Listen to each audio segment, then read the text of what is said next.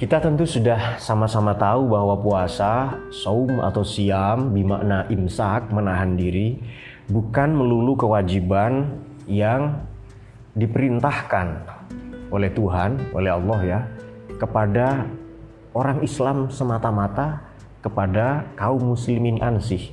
Tetapi ia adalah kewajiban yang juga diperintahkan kepada bangsa-bangsa umat-umat terdahulu. Kama kutiba 'alal ladzina min qablikum la'allakum tattaqun. Supaya mencapai derajat takwa. Al-Baqarah 183.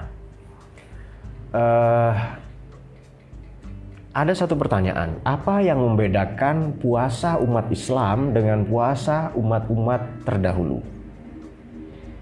Dan tadi kan saum atau siam ya.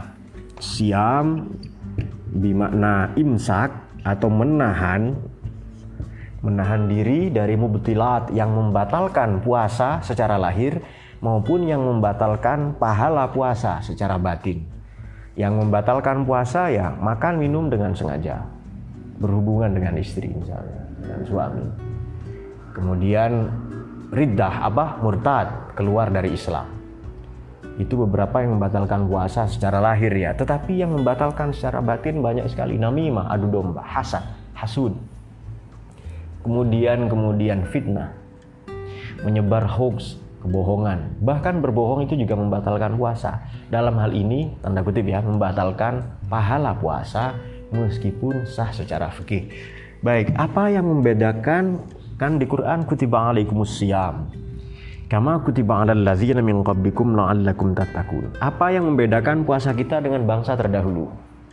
Umat Hindu juga berpuasa. Jadi sebenarnya puasa itu terambil dari bahasa Sanskerta upa puasa. Upa ini mendekatkan kuasa kepada yang maha kuasa, mendekatkan diri kepada Allah. Baik, apa yang membedakan? Saya sebutkan beberapa. Yang pertama adalah sahur. Sahur ya. Uh, sahur ini terambil dari kata sahar. Sahur terambil dari kata sahar, maknanya remang-remang Makanya orang nggak sihir itu juga terambil dari satu kata yang sama. Jadi sihir itu kan menyakiti, melukai, membunuh orang di waktu-waktu remang. Sahar ya. Yang membedakan adalah sahur terambil dari kata sahar. Maknanya makna harfiahnya remang-remang. Sahur. Ada perintah dari kanjeng Nabi, tasaharu fa inna fis sahuri barakah. Ayo kamu sahur semua karena dalam sahur ini ada keberkatan, keberkahan. Oke. Okay. Uh, satu, yang membedakan puasa kita umat Islam dengan umat terdahulu nomor satu adalah sahur. Ah, kenapa? Karena bangsa terdahulu, umat terdahulu tidak diwajibkan, tidak dianjurkan makan sahur kita dianjurkan. Bahkan Allah dan para malaikatnya memberi rahmat ya. Dalam hal ini kalau Allah memberi rahmat, para malaikat mendoakan bersolawat kepada orang-orang yang sahur. Nah, rentang sahur ini, rentang sahur ini menuju imsak ya, ada dari sahur menuju subuh ada rentang biasanya beberapa menit, mungkin 15 menit atau e, eh, 30 menit. Ini sebenarnya layak kita berqiyamul lail. Apa? E, membaca Quran, kemudian e, e, e, mendengarkan nasihat-nasihat, apa belajar atau bertafakur. Kita merenungi, merefleksikan, merenung insafi apa-apa yang kita lakukan selama seharian berpuasa itu. Jadi sahur itu membedakan. Nah, bagaimana kalau ada orang katakan, saya kuat kok puasa tanpa sahur? Ya, silahkan. Tetapi sebenarnya ada pesan tersembunyi di balik sahur adalah biasanya kita bangun pagi itu kapan? Adzan, setelah adzan jam 7. Saya cenderung ke opsi yang terakhir sebelum adzan subuh, setelah adzan, atau setelah matahari terbit. Jadi kalau mendung terbitnya jam 9. Nah, begitu Ramadan kita memutus mata rantai kebiasaan kita. Nah, kita mengambil jarak dengan kebiasaan itu kita menciptakan kebiasaan baru. Apa sih filosofi mengambil jarak ini? Misalnya, tulisan ini tanpa spasi, tanpa jarak kita tidak bisa membaca. ada tulisan misalnya janda lah ya datang kepada Zain. Bang nikahi aku karena Allah bang. Tapi tidak ada spasi tulisannya. Apa bisa dibaca? Tidak bisa dibaca. Nah kita mengambil jarak dari kebiasaan lama dan membuat menciptakan membiasakan kebiasaan-kebiasaan baru. Nah itu yang membedakan. Makanya niat itu sebaiknya di waktu sahur supaya apa? Niat ini punya nilai refleksi punya nilai permenungan. Kita merenungkan, saya kemarin puasa naik motor itu jengkel dengan sesama pengemudi misalnya. Saya antri di pasar mengantarkan uh, anak saya mengaji atau apa, saya jengkel kepada sesama pengemudi atau sesama yang apa pengguna jalan dan lain-lain. Ini kan tentu, kita renung insafi supaya hari ini atau esok puasa yang mau kita jalankan itu jauh lebih baik. Itu makna sebenarnya filosofi di balik sahur. Oleh karena itu, uh, baik. Sekarang sifat sahurnya Nabi bagaimana? Langsung ke teladannya lah, rule model. Kedua, Nabi sahur itu dengan dua atau tiga biji kurma dan segelas air putih, kadang seteguk susu. Makanya hadis Nabi, ayo kamu sahur meskipun sebiji kurma atau seteguk air susu. Glek, satu glek itu loh. Kalau nggak ngerti seteguk ya, satu glek itu, satu glek air susu bukan makan segila-gilanya sampai perutnya mau pecah terus kalau mangap kelihatan tempenya di tenggorokan itu. Lalu sampai tidak bisa nengok. Bukan. Jadi puasa ini di samping sahur ya di samping memberi kekuatan energi untuk kita menjalankan puasa itu terutama bagi yang bekerja beraktivitas di luar rumah dan lain-lain ya. Di samping itu ada nilai-nilai qiyamul lail. Dari jeda sahur menuju subuh kan ada rentang waktu itu sebelum siapa Bilal apa di masjid itu apa teriak-teriak imsak kan nanti kan. Imsak maknanya menahan diri ya. Jam 9 pagi juga imsak tapi anda jangan teriak di masjid jam 9 itu. Anda geger di kampung anda nanti itu. Baik. Nah ada qiyamul lail. Kita melafalkan niat. Kata Imam Syafi'i niat itu tidak boleh di awal puasa harus tiap malam. Nah alangkah baiknya niat itu di waktu sahur itu. Supaya kita punya jeda waktu merenungi merefleksikan seharian kemarin apa. Lantas apa yang harus kita sudahi, kita insafi. Baik. Kemudian kemudian uh, yang membedakan puasa kita dengan puasa umat terdahulu. Nomor satu sahur ya. Nomor dua.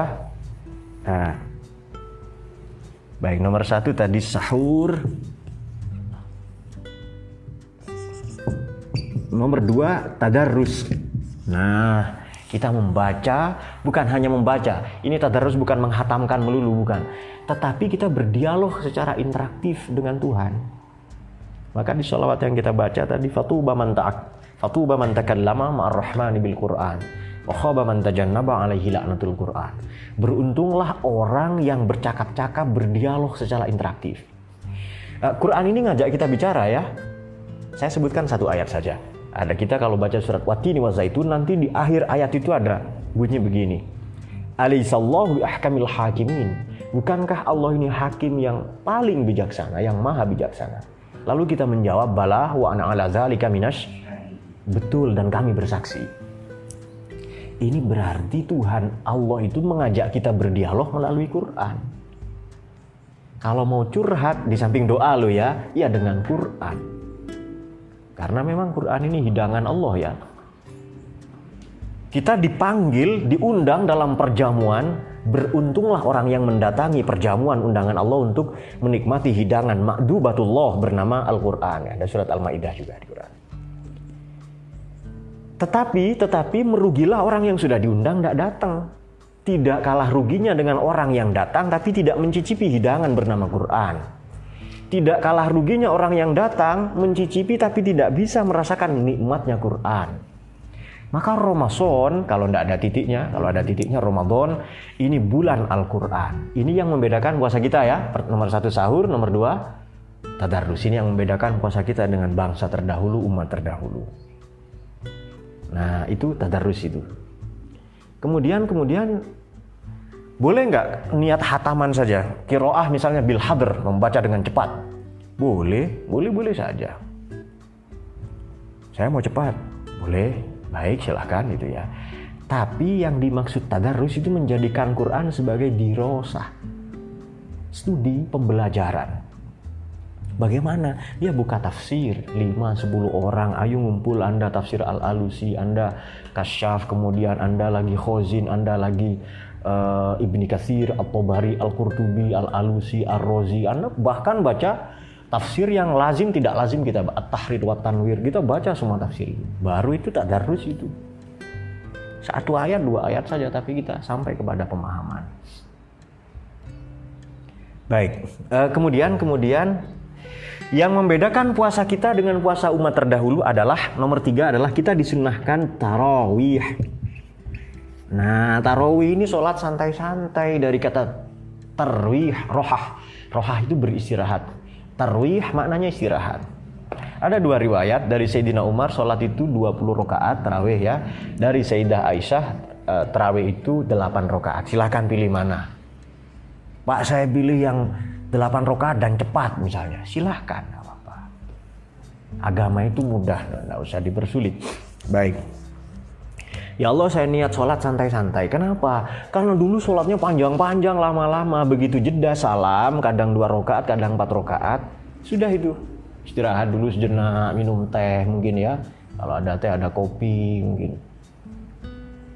Apa? E -e, ada mungkin ada hidangan-hidangan apalah kalau zaman sekarang ya singkong rebus misalnya yang lebih serem lobster lobster rebus misalnya mungkin lebih lobster crispy misalnya ya dan dan sebagainya. Uh, Nabi sholat tarawih itu cuma enam kali. Tambah dua berarti begini enam kali. Nabi sholat tarawih itu cuma enam kali. Selama Ramadan tiga kali di masjid tiga kali di rumah di kediaman beliau. Di dalamnya beliau itu Shallallahu Alaihi Wasallam Beliau khawatir nanti tarawih ini dijadikan wajib ya. Khawatir ada akan ada kan ada orang anggapan-anggapan seperti itulah. Jadi tarawih itu tidak harus ke masjid. Nabi tiga hari di masjid. Artinya apa? Supaya rumah kita kebagian barokahnya Ramadan. Supaya kebagian barokahnya sholat. Gimana? Betul nggak itu? Supaya ada kegiatan sholat juga. Ada kesejahteraan, ada salam di rumah itu, ada peace. Baik. Uh, Terawih, terawih ini sholat dengan makna santai, tenang, tidak terburu-buru, menghayati bacaan, kemudian 20 uh, uh, untuk apa versi Sayyidina Umar dan 8 rakaat versi Sayyidah Aisyah. Ada cerita menarik begini. Suatu ketika di masjid itu ada perdebatan mengenai satu, imam menyatakan sholat itu 20 rakaat, imam yang lain menyatakan 8 rakaat. Dan itu terjadi di Masjid Khurasan di Iran. Sekarang Iran ya, dulu Persia. Nah, ribut itu akhirnya itu orang berdebat itu satu sama lain itu. 8, 20, 8, 20. Kalau ada orang Indonesia macam Dayat itu langsung saya ambil jalan tengah. Apa? Nggak usah terawih. Terawih itu sunnah kok ya kan? Nah, itu kalau versi teman-teman di sini. Maka di barisan kedua atau ketiga menyibaklah, tersibaklah soft orang itu dan langsung maju seorang tua, sudah sepuh itu. Kamu maunya tarawih berapa? Katanya, 8, kamu 20. Lalu kata orang tua tadi, yang belakangan kita tahu ternyata Imam Ghazali itu ya. Jadi Imam Ghazali ini pernah mau menyegel, mau nutup masjid itu. Kamu mau berapa? 8, kamu 20. Tutup saja masjid ini. Nah, disegel saja, dirubuhkan. Kalau perlu jual masjidnya itu.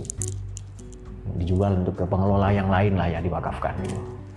Kan sekarang banyak masjid dijual ya, semeter berapa kan gitu. Tutup saja masjid kata Imam Ghazali. Kenapa? Kenapa? Karena wa atasimu bihablillahi jami'a wa la tafarraqu wajib kita bersatu, enggak tukaran wajib. Otomatis tukaran berantem itu haram. Sementara terawih sunnah, jangan sampai yang sunnah mengalahkan yang wajib. Kalau mau berantem jangan di masjid itu.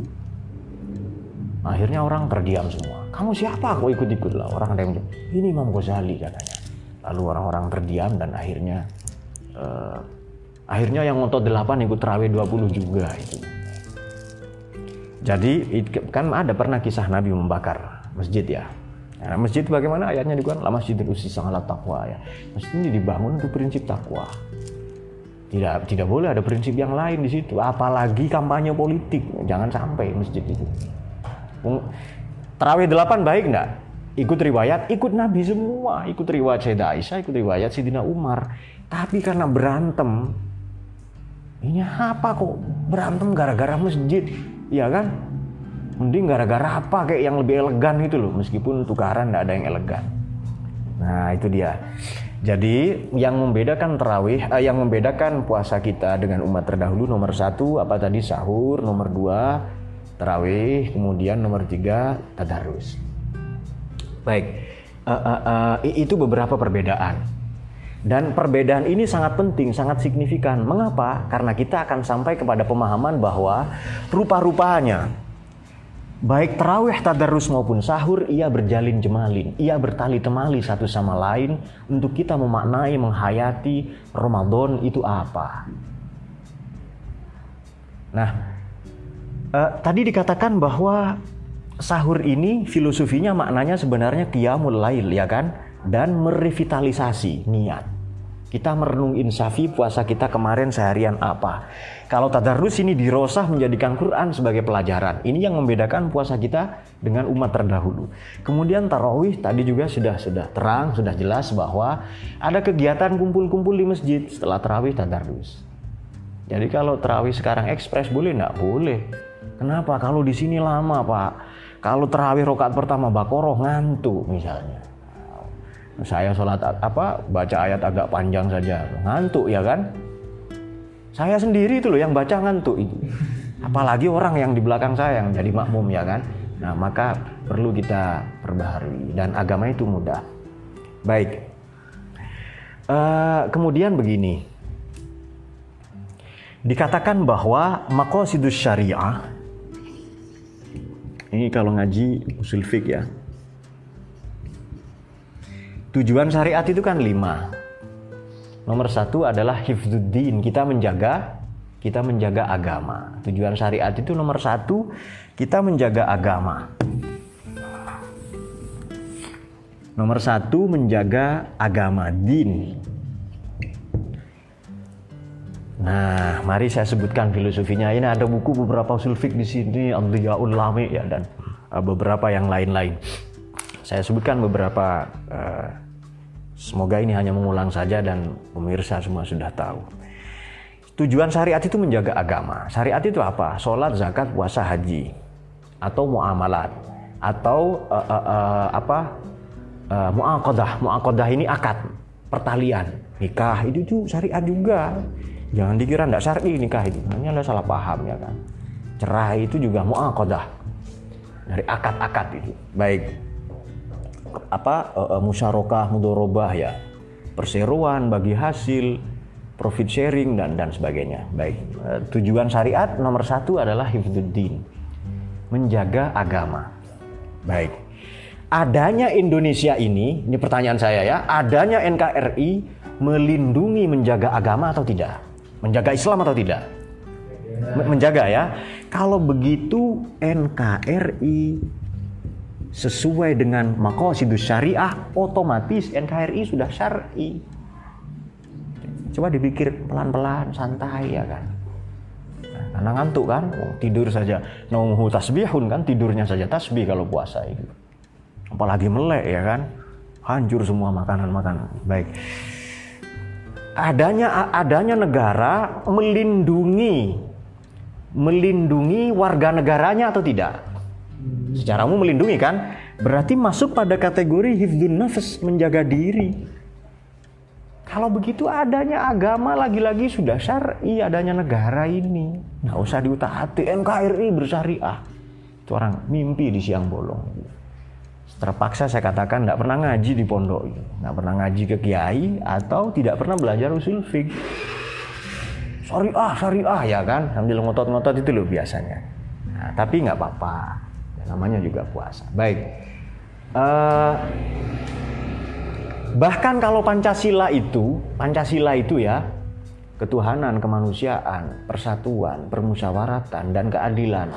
Tidak ada yang melenceng dari Quran. Sesuai konstitusi syariah, otomatis sudah syar'i Pancasila. Hmm, jadi nomor satu hifduddin, nomor dua hifdun nafas menjaga diri. Apa yang merusak diri? Membunuh misalnya, Homer, ya kan? Homer itu merusak akal nanti. Uh, menjaga diri, narkoba merusak diri juga. Maka narkoba ndak usah cari dalilnya. Apa inna sobu sobu haram ndak usah itu. Sudah cukup saja nama khamr wal maisir rejisun min min amali syaitan fajtanibu. Ah ini amalnya setan kamu hindarkan. Kalau kalau nanti di fikih itu di usul fik lebih rigid lagi ada ada kias ya. Homer saja dilarang apalagi narkoba ya. narkoba uh, kemudian kemudian apa pun yang menjaga harkat martabat kita yang menjaga ham hak asasi manusia maka ia sudah sesuai dengan syariat sama juga dengan puasa syarinya itu loh syariatnya itu loh baik ya. nomor tiga nomor tiga mal harta benda Hifdul mal menjaga harta benda adalah tujuan syariat syariat ini diturunkan supaya harta benda kita aman. Maka melindungi harta benda dari segala bentuk pencurian itu wajib. Kalau orang membela hartanya dan lalu mati, jadi misalnya siapa? Jayadi punya harta benda sendok, kanan, kanan garpu di tangan kiri, mau dicuri, tahankan, tahankan saling tarik menarik, batuk lepas nyawanya, ucul itu ya. Mati. Mati syahid karena mempertahankan harta bendanya yang bernama sendok ya kan? Ini bukan sembarang sendok. Ini misalnya sendoknya Nabi Sulaiman ya kan? Nah terbuat dari emas berlapis mutiara. Kemudian sendoknya tidak terlalu mahal tapi nasabnya dan sejarahnya yang mahal misalnya baik eh, jadi segala bentuk pencurian korupsi itu tidak sesuai dengan syariat nggak usah cari dalil tidak syar'i saja Kemudian hifdzul akal. Yang keempat, menjaga intelek, menjaga akal. Apa yang merusak akal? Homer misalnya, wine, apa bir, bukan birun, bukan bir, B1R itu. Ya tua lah, arak. Kullu muskirin khomrun wa kullu khomrin haram. Setiap yang memabukkan hukumnya khomer. Pak saya mabuk janda. Kata siapa? Mas Nidom ini misalnya. Haram mabuk ya kan kullu muskirin khomrun wa kullu khomrin haram atau hadis Nabi itu mas karo kasiruhu faqaliluhu haram sesuatu yang dalam bentuk banyak memabukkan dalam bentuk sedikit apa haram Uh, kemudian kemudian ada juga ada juga hifdun nasl ini yang ditunggu-tunggu menjaga keturunan hifdun nasl ini maknanya bukan hanya nikah iqbal apa yang merusak generasi zina, HIV, macam itu juga haram. Kalau begitu, zina, pelacuran tidak usah dicari dalil sudah pasti tidak syar'i. Baik, ya, ini mula-mula saya katakan begini teman-teman ya syariat itu dua. Ada yang sawabit tidak berubah-ubah. Syariat ini ada sawabit tidak berubah-ubah. Sholat, zakat, puasa, haji tidak berubah itu Pak saya ijtihad Pak, Gunung Sofa itu Gunung Bromo, nggak bisa. Haji itu sebaiknya di bulan Syawal, tidak bisa, nggak bisa dirubah itu. Yang berhubungan dengan lokus tempat, times dengan waktu tidak bisa dirubah. Maka jelas kan ayat tentang bulan. Faman syahida minkum syahra fal Kalau kamu lihat bulan, bagaimana? Bagaimana? Bagaimana?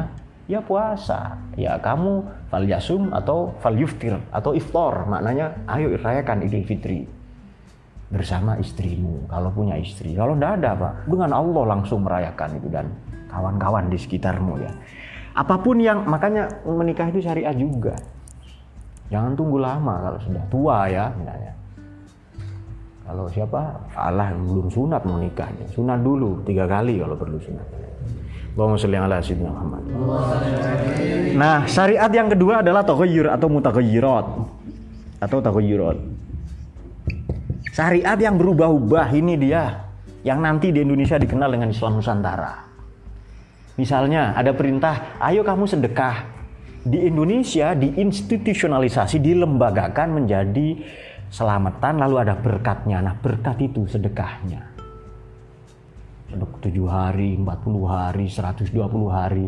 Itu semua pelembagaan institusionalisasi pelembagaan dari kita supaya baca Quran apa? Yasinan tiap Jumat itu pelembagaan Quran. Perintahnya apa? Walaqad yassarnal Qur'ana lidzikri fahal mimudzakir. Faqra'u ma tayassara minal Qur'an. Perintahnya itu kan kamu baca yang paling gampang. Ulama bikin di Indonesia. Kulhu Anas Al-Falak Akhir Bakoro tahlilan. Nah, itu dia. Lalu doa setelah itu kan ada berkatnya juga. Maka sesuai Quran menolak tahlil berarti menolak Quran. Kalau mau pakai logika agak nakal ya L-nya dua. Tapi enggak usah karena bulan puasa ya biarkan usah sendiri-sendiri ya bilang siapa-siapa. Baik, saya teruskan sedikit. Ka kalau begitu ada yang menarik di sini teman-teman semua ya. Ada yang menarik dari uh, puasa ini. Banyak ini ya, banyak sekali kalau mau dicari nih syariat yang berubah-ubah itu banyak sekali pelembagaan-pelembagaan. Makanya bikin yayasan nggak usah cari dalil, bikin ya panti asuhan yatim piatu nggak usah dalil. Apa uh, uh, uh,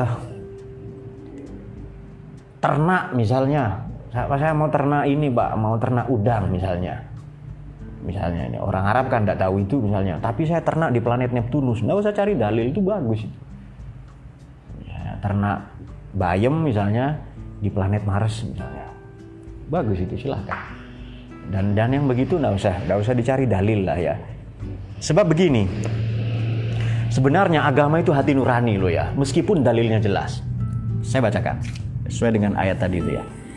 Faman kana minkum maridun aw ala safarin fa min ayyamin ukhra Kemudian kemudian wa'alal ladzina yutiqunahu fidyatun ta'am miskin faman tatawwa khairan fa khairul lah wa antasumu khairul lakum in kuntum ta'lamun. Itu Baqarah 184. Kalau di Baqarah 185 bukan uh, ber ber berbeda sedikit redaksinya ya hanya waman kana maridon au ala safarin fa'iddatun min ayyamin Kalau sakit atau di perjalanan lebih kurang 86 km ya, boleh tidak puasa dan diganti di hari yang lain. Sakit maknanya apa? Coba pakai akal dan pakai hati nurani ketusuk duri di sini. Apa faidatu min ayamin ukhor atau puasa di hari yang lain? Ya kan? Kan tidak sesuai. Saya sakit, Pak. Hati saya tertusuk, Pak. Misalnya ditusuk oleh puisi yang tertusuk padamu, berdarah padaku misalnya. Misalnya ada puisi seperti itu kan ya, dia yang tertusuk, kita yang terluka. Jadi kuterjemahkan hatiku ke dalam hatimu. Kalau hati, hatimu tak mampu merasakan hatiku. Jadi yang tertusuk padamu berdarah padaku sebab kita adalah satu. Itu puisi zaman jahiliyah. Baik. Uh, sakit mata membatalkan puasa enggak itu? Apa boleh enggak membatalkan puasa? Itu. Tanya ke, ke hati nurani ya. Jadi ayo minta fatwa ke hati nurani hadis Nabi. Tanya ke akal kita itu. Karena agama itu akal. Ad-dinun nasihah ya nasuha yang serius sungguh-sungguh ya.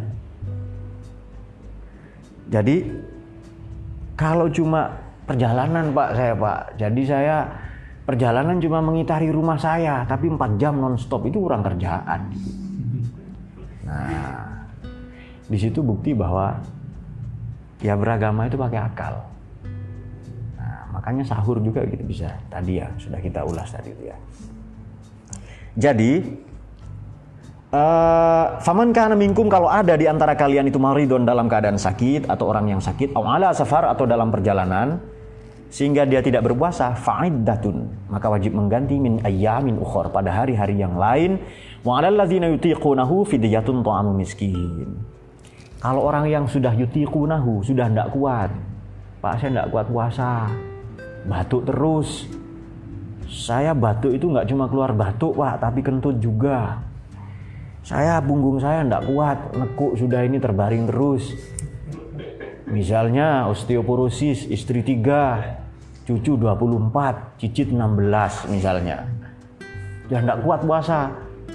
Kemudian saya juga sudah demensia, sudah pikun. Boleh enggak? Boleh, tapi ada ketentuannya ya. ya Sebab begini ya. Ada nggak orang bekerja tapi kuat puasa? Adakah? Ada kan ya? Ada juga yang tidak ngapa-ngapain, tidak kuat puasa. Berarti tergantung niat kita itu. Itu, itu kita katakan tadi agama itu hati nurani.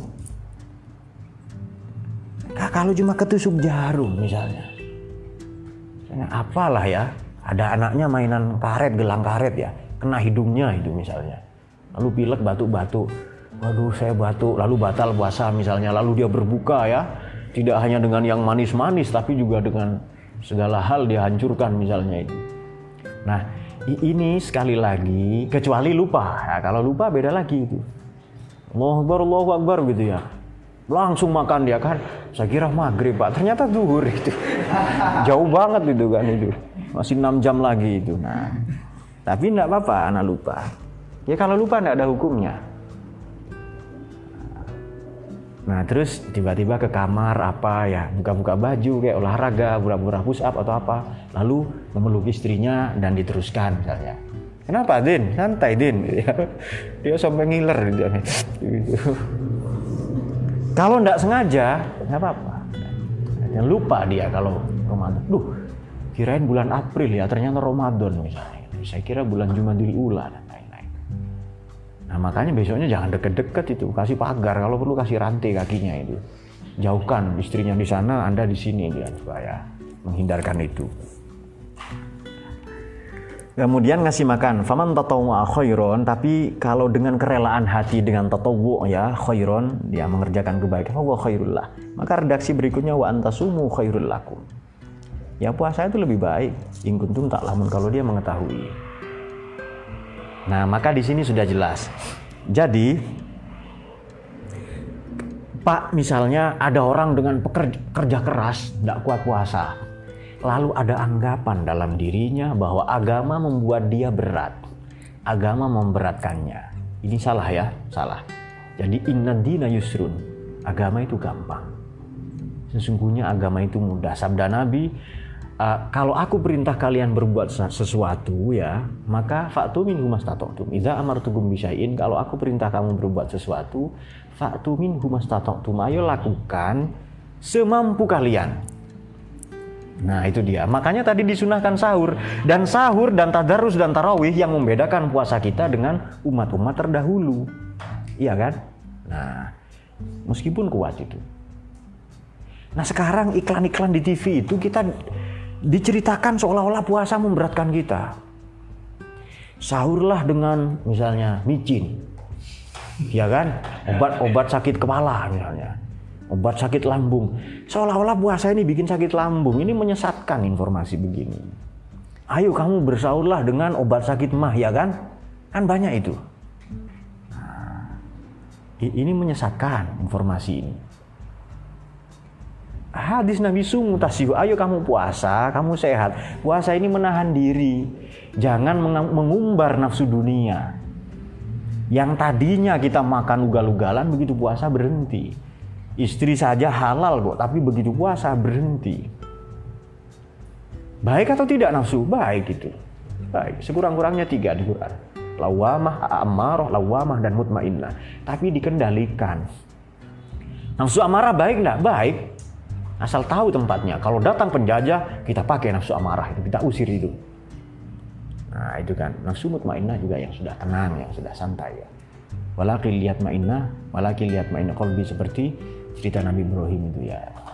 Kaifatuhil mauta Nabi Ibrahim bertanya, Tuhan bagaimana cara engkau menghidupkan yang mati? Nabi Ibrahim bertanya, Allah bertanya, Qala awalam tu'min, kamu masih tidak beriman? Qala walakil lihat mainah kolbi ya. Lalu supaya iman saya lebih lebih kuat. Ya, jadi uh, Ramadan ini mari kita memaknai ulang pembeda kita. La'allakum tatakun tadi kan? Kama aku tiba ala ladzina min qablikum la'allakum tatakun. Yang membedakan kita dengan umat terdahulu yang sama-sama puasa adalah kita punya sahur. Ayo sahur itu barokah. Sahur itu malaikat dan nabi bersolawat mendoakan kita, merahmati kita. Kemudian tadarus kita mendalami Quran sekurang-kurangnya ada tiga kandungan Quran, ya kan? Nomor satu adalah maqasid, tujuan-tujuan Quran ini turun. Ya syariat ini. Kalau mau ngaji fikih, syariat itu. Kalau akidah, kalau mau ngaji tauhid. Akhlak, kalau mau ngaji itu tasawuf ya. Kalau mau ngaji kitab-kitab tasawuf itu. Baik, sedikit ya. Kandungan Quran nomor satu tujuan-tujuan maqasid Nomor dua, nomor dua kaifiyat, tata cara mencapai tujuan. Nomor tiga barohin, bukti-bukti. Tujuan Quran turun, ya syariat, ya akidah, ya akhlak. Syariat itu apa? Kita ngaji fikih. Akidah itu apa? Kita ngaji tauhid. Akhlak itu apa? Kita ngaji tasawuf. Itu isinya Quran. Nomor dua kaifiyat.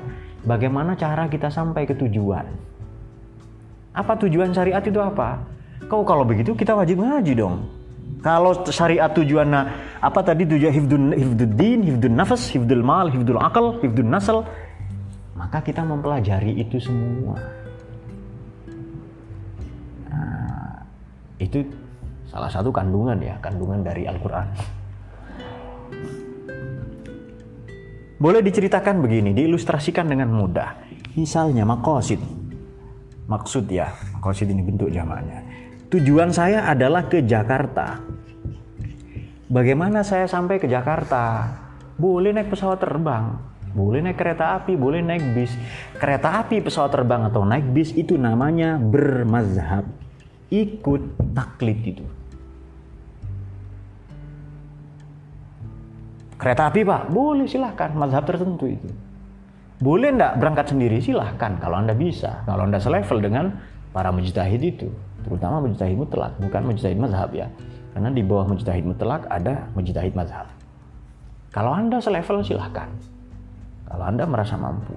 Jadi cara paling aman udah tidur saja di pesawat terbang nyampe ke Jakarta. Yang penting pesawatnya tujuan Jakarta, bukan tujuan Bali ya kan. Nah, atau ada orang ini kepalanya ke Jakarta, buntutnya ke Bali misalnya. Ini kaifiat tata cara sampai bermazhab. Nah, ya ngaji fikih untuk sampai kepada syariat yang baik. Ngaji tauhid ilmu kalam, teologi untuk sampai kepada akidah yang baik, iman yang baik. Ngaji akhlak tasawuf untuk sampai kepada pekerti eh, moralitas perilaku yang baik. Baru nanti barohin. Barohin ini bukti-bukti. Quran ini banyak buktinya. Saya saya mau ke Jakarta, naik kereta api. Mana buktinya? Ini tiket. Besok saya berangkat ini. Nah, misalnya seperti itu. Bukti ya. Di Quran begini, kalau tidak ikut Allah, tidak ikut Nabi, ini buktinya bangsa yang dihancurkan. Kalau kamu berbohong, menyakiti, mendolimi orang tua, ini buktinya. Kamu akan begini nanti. Dan di akhirat nanti kedudukanmu begini. Jangan namanya selalu nawabi salkoror, misalnya ada ayat begitu. Kemudian kalau kamu memperolok-olok agama, Allah yastahzi'u bihim wa yamudduhum fi tughyanihim ya'mahun. Kamu justru semakin sesat. Kalau kamu bermaksud membolak-balik misalnya sunnahnya Allah ya, padahal sunnahnya Allah tidak bisa dibolak-balik atau kalau kamu ber, bermaksud uh, apa menyelewengkan memanipulasi nikmat Allah misalnya badalu nikmatullahi kufron dengan menutup diri pada kebenaran apakah itu sumber daya alam sumber daya manusia sumber daya ideologi atau pancasila maka nanti akibatnya kesudahannya.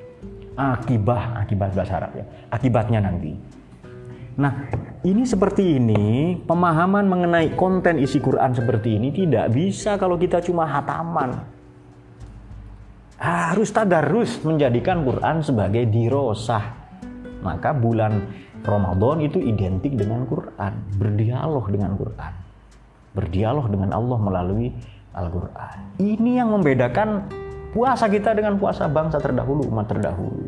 Kita punya Al-Quran. Bahkan syahrul Ramadan alladzi unzila fihil Quran hudal linnas yubayyinatin minal huda. Gimana itu? Wal Furqan. Faman syahida minkum syahr falyasumna. Ilahil ayat. Nah, kalau begitu jelas ya, pendalaman kita, filosofi kita sebenarnya apa sih? Kita dikasih hadiah berupa cara disiplin kepemimpinan, namanya sholat rawih berjamaah, ya kan? Ini kan kita belajar leadership, rujuliah, kepemimpinan. Kita belajar pendalaman Quran. Kita juga punya sahur itu. Qiyamul lail, mengganti kebiasaan lama dengan kebiasaan baru. Biasanya bangun jam 4, jam 5, atau jam 8, atau setelah matahari terbit, kalau mendung jam 10 baru terbit matahari itu, diganti dengan bangun jam setengah 4 atau jam 3. Waktu Indonesia Timur mungkin setengah 3 Baru jeda dari itu ke subuh diisi qiyamul lail. Apa? Tadarus, belajar, mendengarkan nasihat, merenung yang merefleksikan dosa-dosa, memohon ampunan, zikir dan lain-lain. Nah, kalau itu bisa, maka derajat kita nanti muttaqin. La'allakum tattaqun. Imtithalu awamirillah wajtinabu nawahihi. Kalau kita itu bisa, maka kita menjadi pribadi manusia paripurna. Kalau itu bisa, maka kita tak nisul insan, memanusiakan manusia. Jadi itu puasa yang sesungguhnya itu. Tidak hanya zohir tapi batin. Tidak hanya jasmani menahan makan minum berhubungan seksual apa pun yang dari minal mubtilat, dari yang membatalkan, tetapi kita juga menahan pikiran-pikiran kita, hati kita, nafsu kita, menahan diri untuk tidak menyakiti sesama. Nah, oleh karena itu puasa ini sangat istimewa. Belum lagi nanti ada janji Lailatul Qadar. Insya Allah kita bahas pada pertemuan yang akan datang. Ada janji Lailatul Qadar yang lebih utama daripada seribu bulan. Kalau jomblo di malam Lailatul Qadar itu Anda lebih istimewa dari seribu bulan. 83 tahun. Lama banget jomblonya ya. Jomblo visabilillah ya. Nah ini seharusnya kita renung insafi. Kalau puasa untuk diri kita, ndak usah kita minta hormati orang, ndak usah ditutup warung itu. Kok cetek banget itu loh. Terpengaruh sama warung yang buka, ya kan? Dangkal banget kan, banal banget itu. Anda puasa mau menutup warung. Ada ada, ada petugasnya sendiri ya. Itu namanya uh, uh, hifdun nafas. Jangan sampai ada pertikaian pertumpahan darah, ada tukaran gara-gara nutup warung. Seharusnya Anda menghormati orang lain karena Anda puasa. Nggak usah minta dihormati, nggak usah. Nah, nggak punya, gila hormat saja kan itu kan. Ngapain minta dihormati itu kan. Nah, eh, sebaliknya orang yang tidak berpuasa, saya kira kerukunan kita kita sudah toleran lah, kita sudah tahu diri kan. Iya kan? Ugal-ugalan makan misalnya depan yang puasa enggak itu. Maka kalau kita masih tergoda menutup warung misalnya terpengaruh misalnya kepingin soleh lalu ngotot sholat di masjid kan ada ya silakan anda googling ya berita itu. Ada yang loncat pagar ingin sholat terawih. Sampai Bupati Lombok itu Bupati Lombok Timur Lotim dikerahkan polisi itu untuk menjaga itu sudah tahu zaman pandemi wabah begini. Masih ngotot sholat. Terawih itu sunnah. Makanya Imam Ghazali menutup masjid tadi. Terawih itu sunnah. Nggak, nggak usah ngotot itu. Terawih di rumah. Nggak bisa Pak. Makanya belajar fikih supaya bisa jadi imam. Ya kan? Kalau tetap nggak bisa jadi makmum. Ya, selamat itu. itu. Kalau nggak bisa sholat sendirian itu. Dan Allah lebih maha tahu soal Anda sholat sendirian berjamaah atau sesama jenis Anda atau apa silahkan itu. Nah, kenapa sih ingin sok soleh ya? Silahkan soleh tapi perilaku Anda jangan nyebelin. Itu, itu aja itu. Boleh soleh tapi jangan nyebelin. Jangan menyakiti sesama. Bawa toa ke mana-mana tak terus ya. Wal Qur'anil Hakim ngotot di depan orang yang tidak puasa misalnya. Atau non muslim misalnya.